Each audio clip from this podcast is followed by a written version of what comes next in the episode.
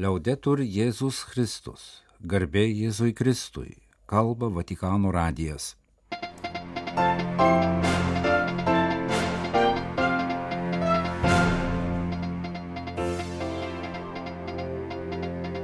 Malonūs klausytojai šioje penktadienio kovo 31 programoje šeštadienį popiežius galės būti išleistas iš ligoninės, numatytas Pranciškaus dalyvavimas verbų sekmadienio mišiose Šventojo Petro aikštėje. Popiežiaus namų pamokslininkas sakė penktą tradicinį gavėnios pamokslą. Ukrainos religiniai lyderiai kritikuoja partnerysčių projektą Italijos katalikų ir žydų bendruomenės parengė ugdymo konspektus apie krikščionybės žydiškumą.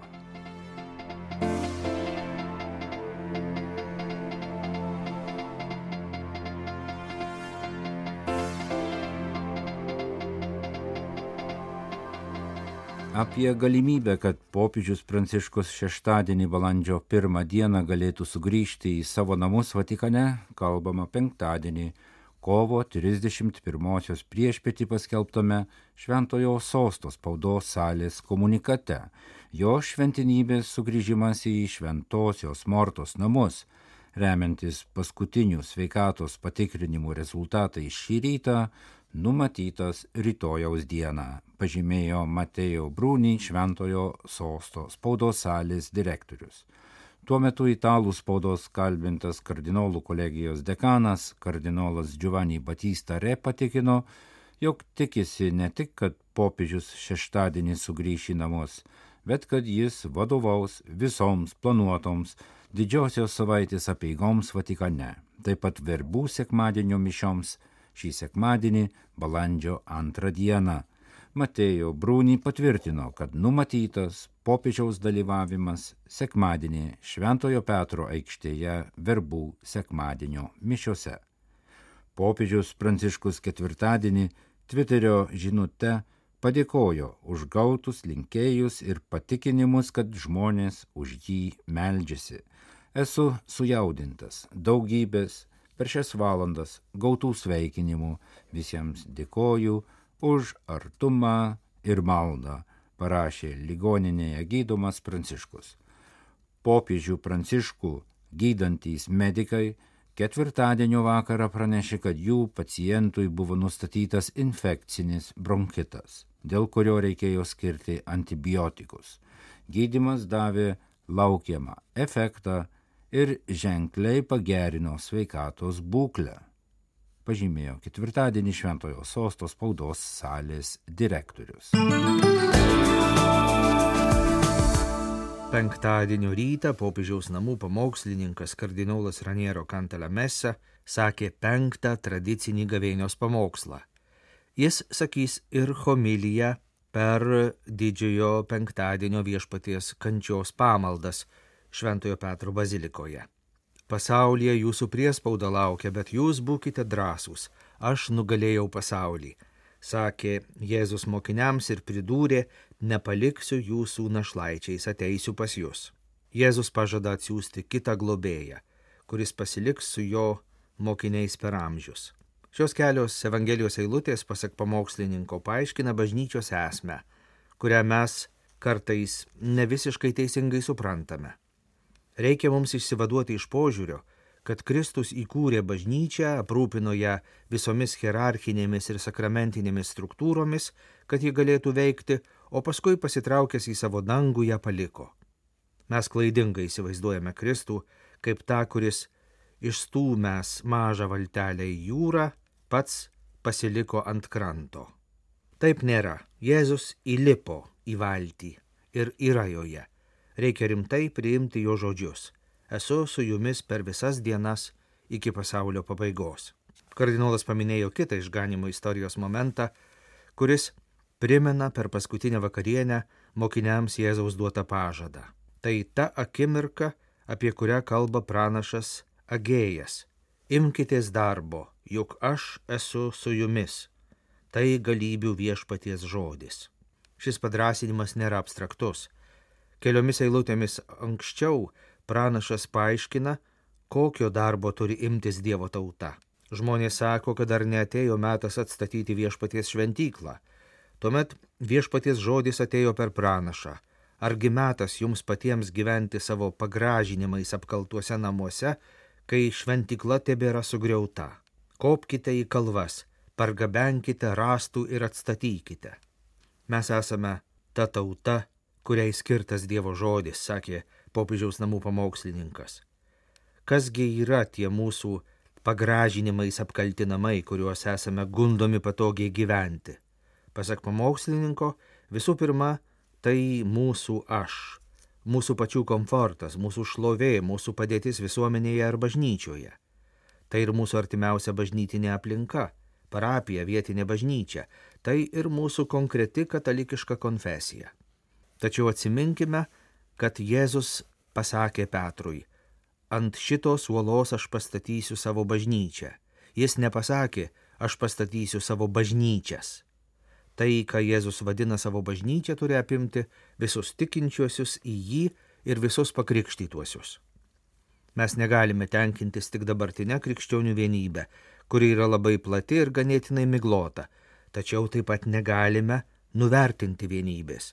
Turime pripažinti, kad vienybės pagrindas yra tai, kad visi krikščionys šaukėsi to paties viešpaties Jėzaus Kristaus.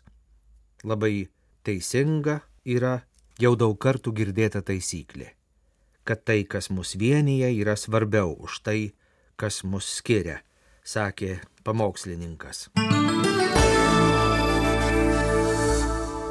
Visų Ukrainos bažnyčių ir religinių organizacijų taryba, atstovaujanti krašto krikščionių, musulmonų ir žydų bendruomenės, kritikuoja Ukrainos aukščiausiosios rados įstatymo projektą, kuriuo registruota partnerystė sulyginama su šeima. Pasak Ukrainos religinių lyderių tarybos pareiškimo, įstatymo projektas sumanytas kaip tarpinis žingsnis vienalyčių sąjungų sulyginimui su moters ir vyro kuriama šeima. Pareiškime atkreipiamas dėmesys, kad dar prieš karą Ukrainoje konstatuota demografinė krizė, o Rusijos karinė agresija išprovokavusi didžiulę migracijos, ypač moterų su vaikais bangą, padėtį labai pablogino. Dėl karo daug vaikų tapo našlaičiais, o pokario rekonstrukcija bus sunki. Yra akivaizdu, kad viena iš krašto atkūrimo ir atsigavimo prielaidų yra tvirtos šeimos, remiamos atitinkamos valstybės socialinės politikos. Galima priminti, kad Ukrainos bažnyčių ir religinių organizacijų taryba taip pat kritikavo skubę vadinamosios Stambulo konvencijos ratifikaciją 2022 m. birželį.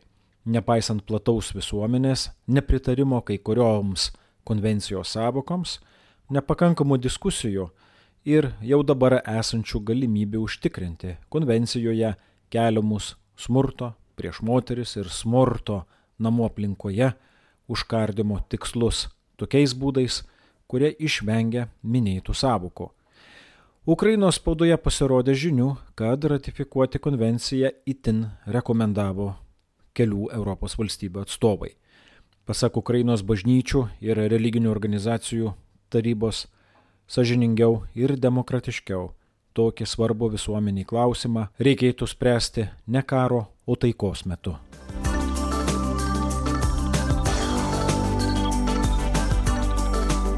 Jūs klausotės Vatikano radio žinių laidos lietuvių kalba, tęsime programą. Apie krikščionybės žydiškumą. Ugdymo konspektai, kuriuos parengė Italijos katalikų ir žydų bendruomenės.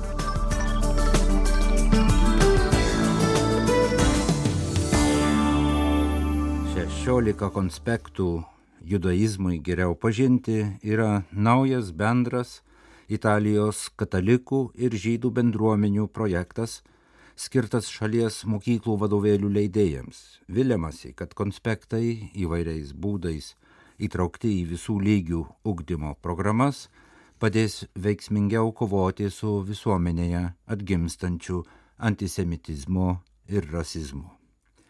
Žydų Biblijos knygos, papročiai vertybės, terminologija, kalendorius, kunigai, rabinai, Dievo vardas, moterys Izraelio išrinkimas, teisingumas ir gailestingumas, žydų tauta ir žemė, Jėzus Ješuo, Saulius Paulius, Italijos žydai, katalikų ir žydų dialogas po Vatikano antrojo susirinkimo yra pagrindinės konspektų temos.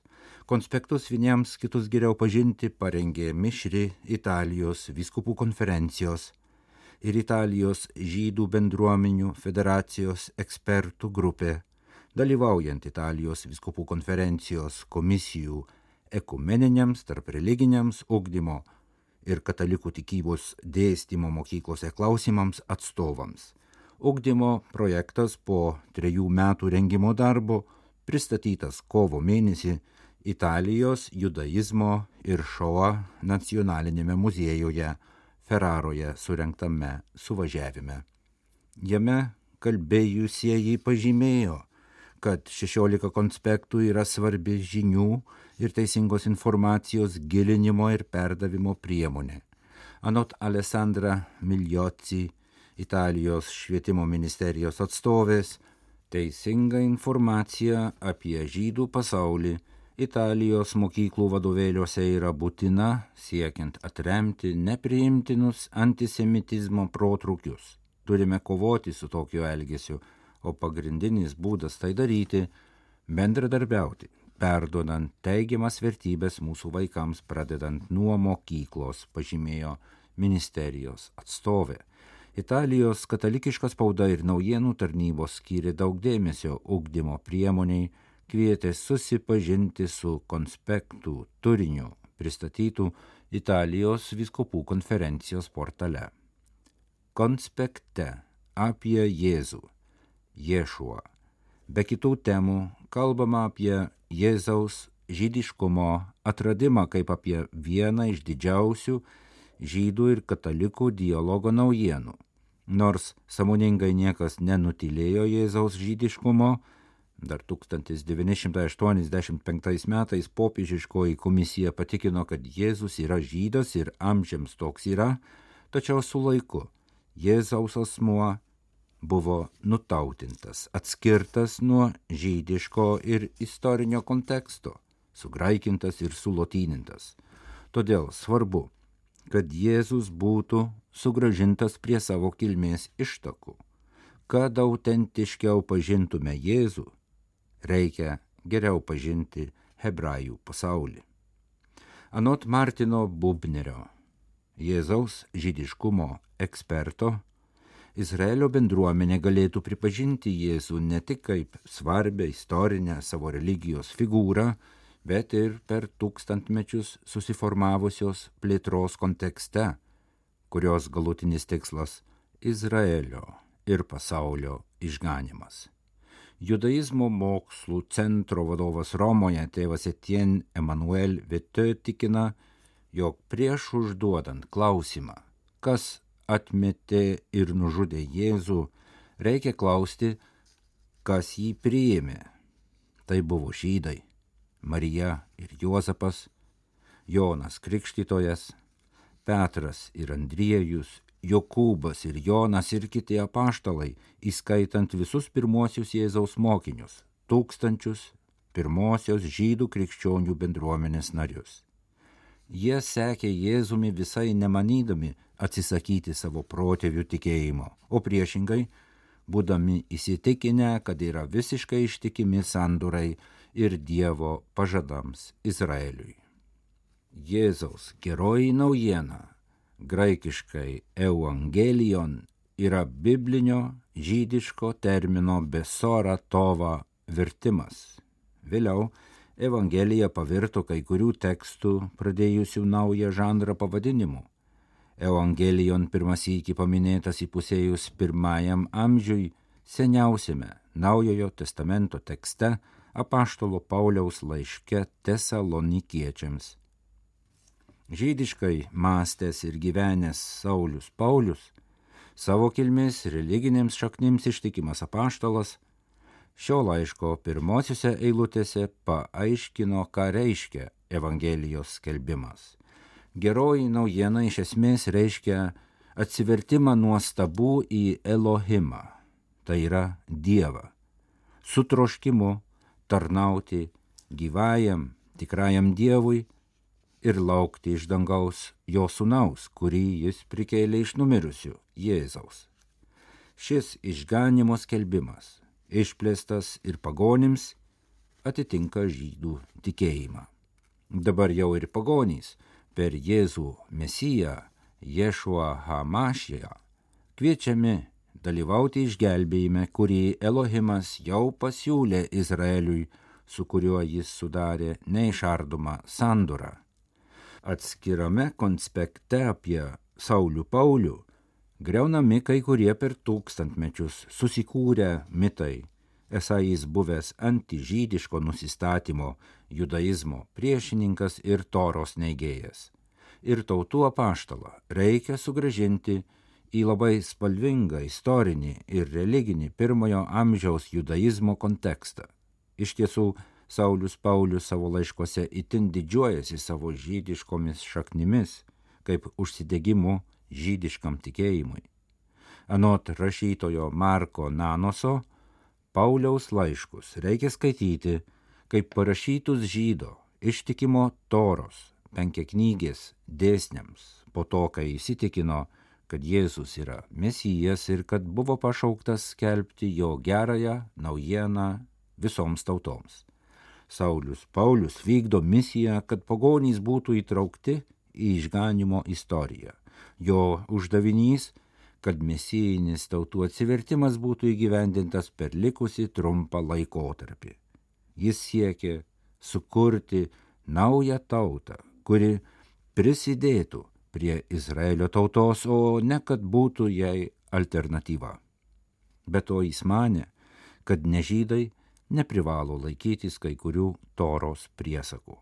Anot konspektų autorių reikšminga tai, kad po šoa, kai buvo atkreiptas dėmesys į tai, kad antijudaizmas yra rimta nuodėmė, prisidėjusi sukeliant tragiškus istorinius įvykius, Vatikano antrojo susirinkimo tėvai pareiškime Nostra etate pasitelkė apaštalo Pauliaus tekstus, kad būtų naujai pristatomi žydų ir krikščionių santykiai. Cituodami apaštalo Pauliaus laišką romiečiams, konspektų autoriai pažymi, kad būtent šis susitaikymas pripildo viltimi žydų ir krikščionių susitikimą nes jeigu jų atmetimas pasauliui reiškia sutaikinimą, tai kągi reikštų jų prieimimas, jei ne gyvenimą prisikėlus iš numirusių.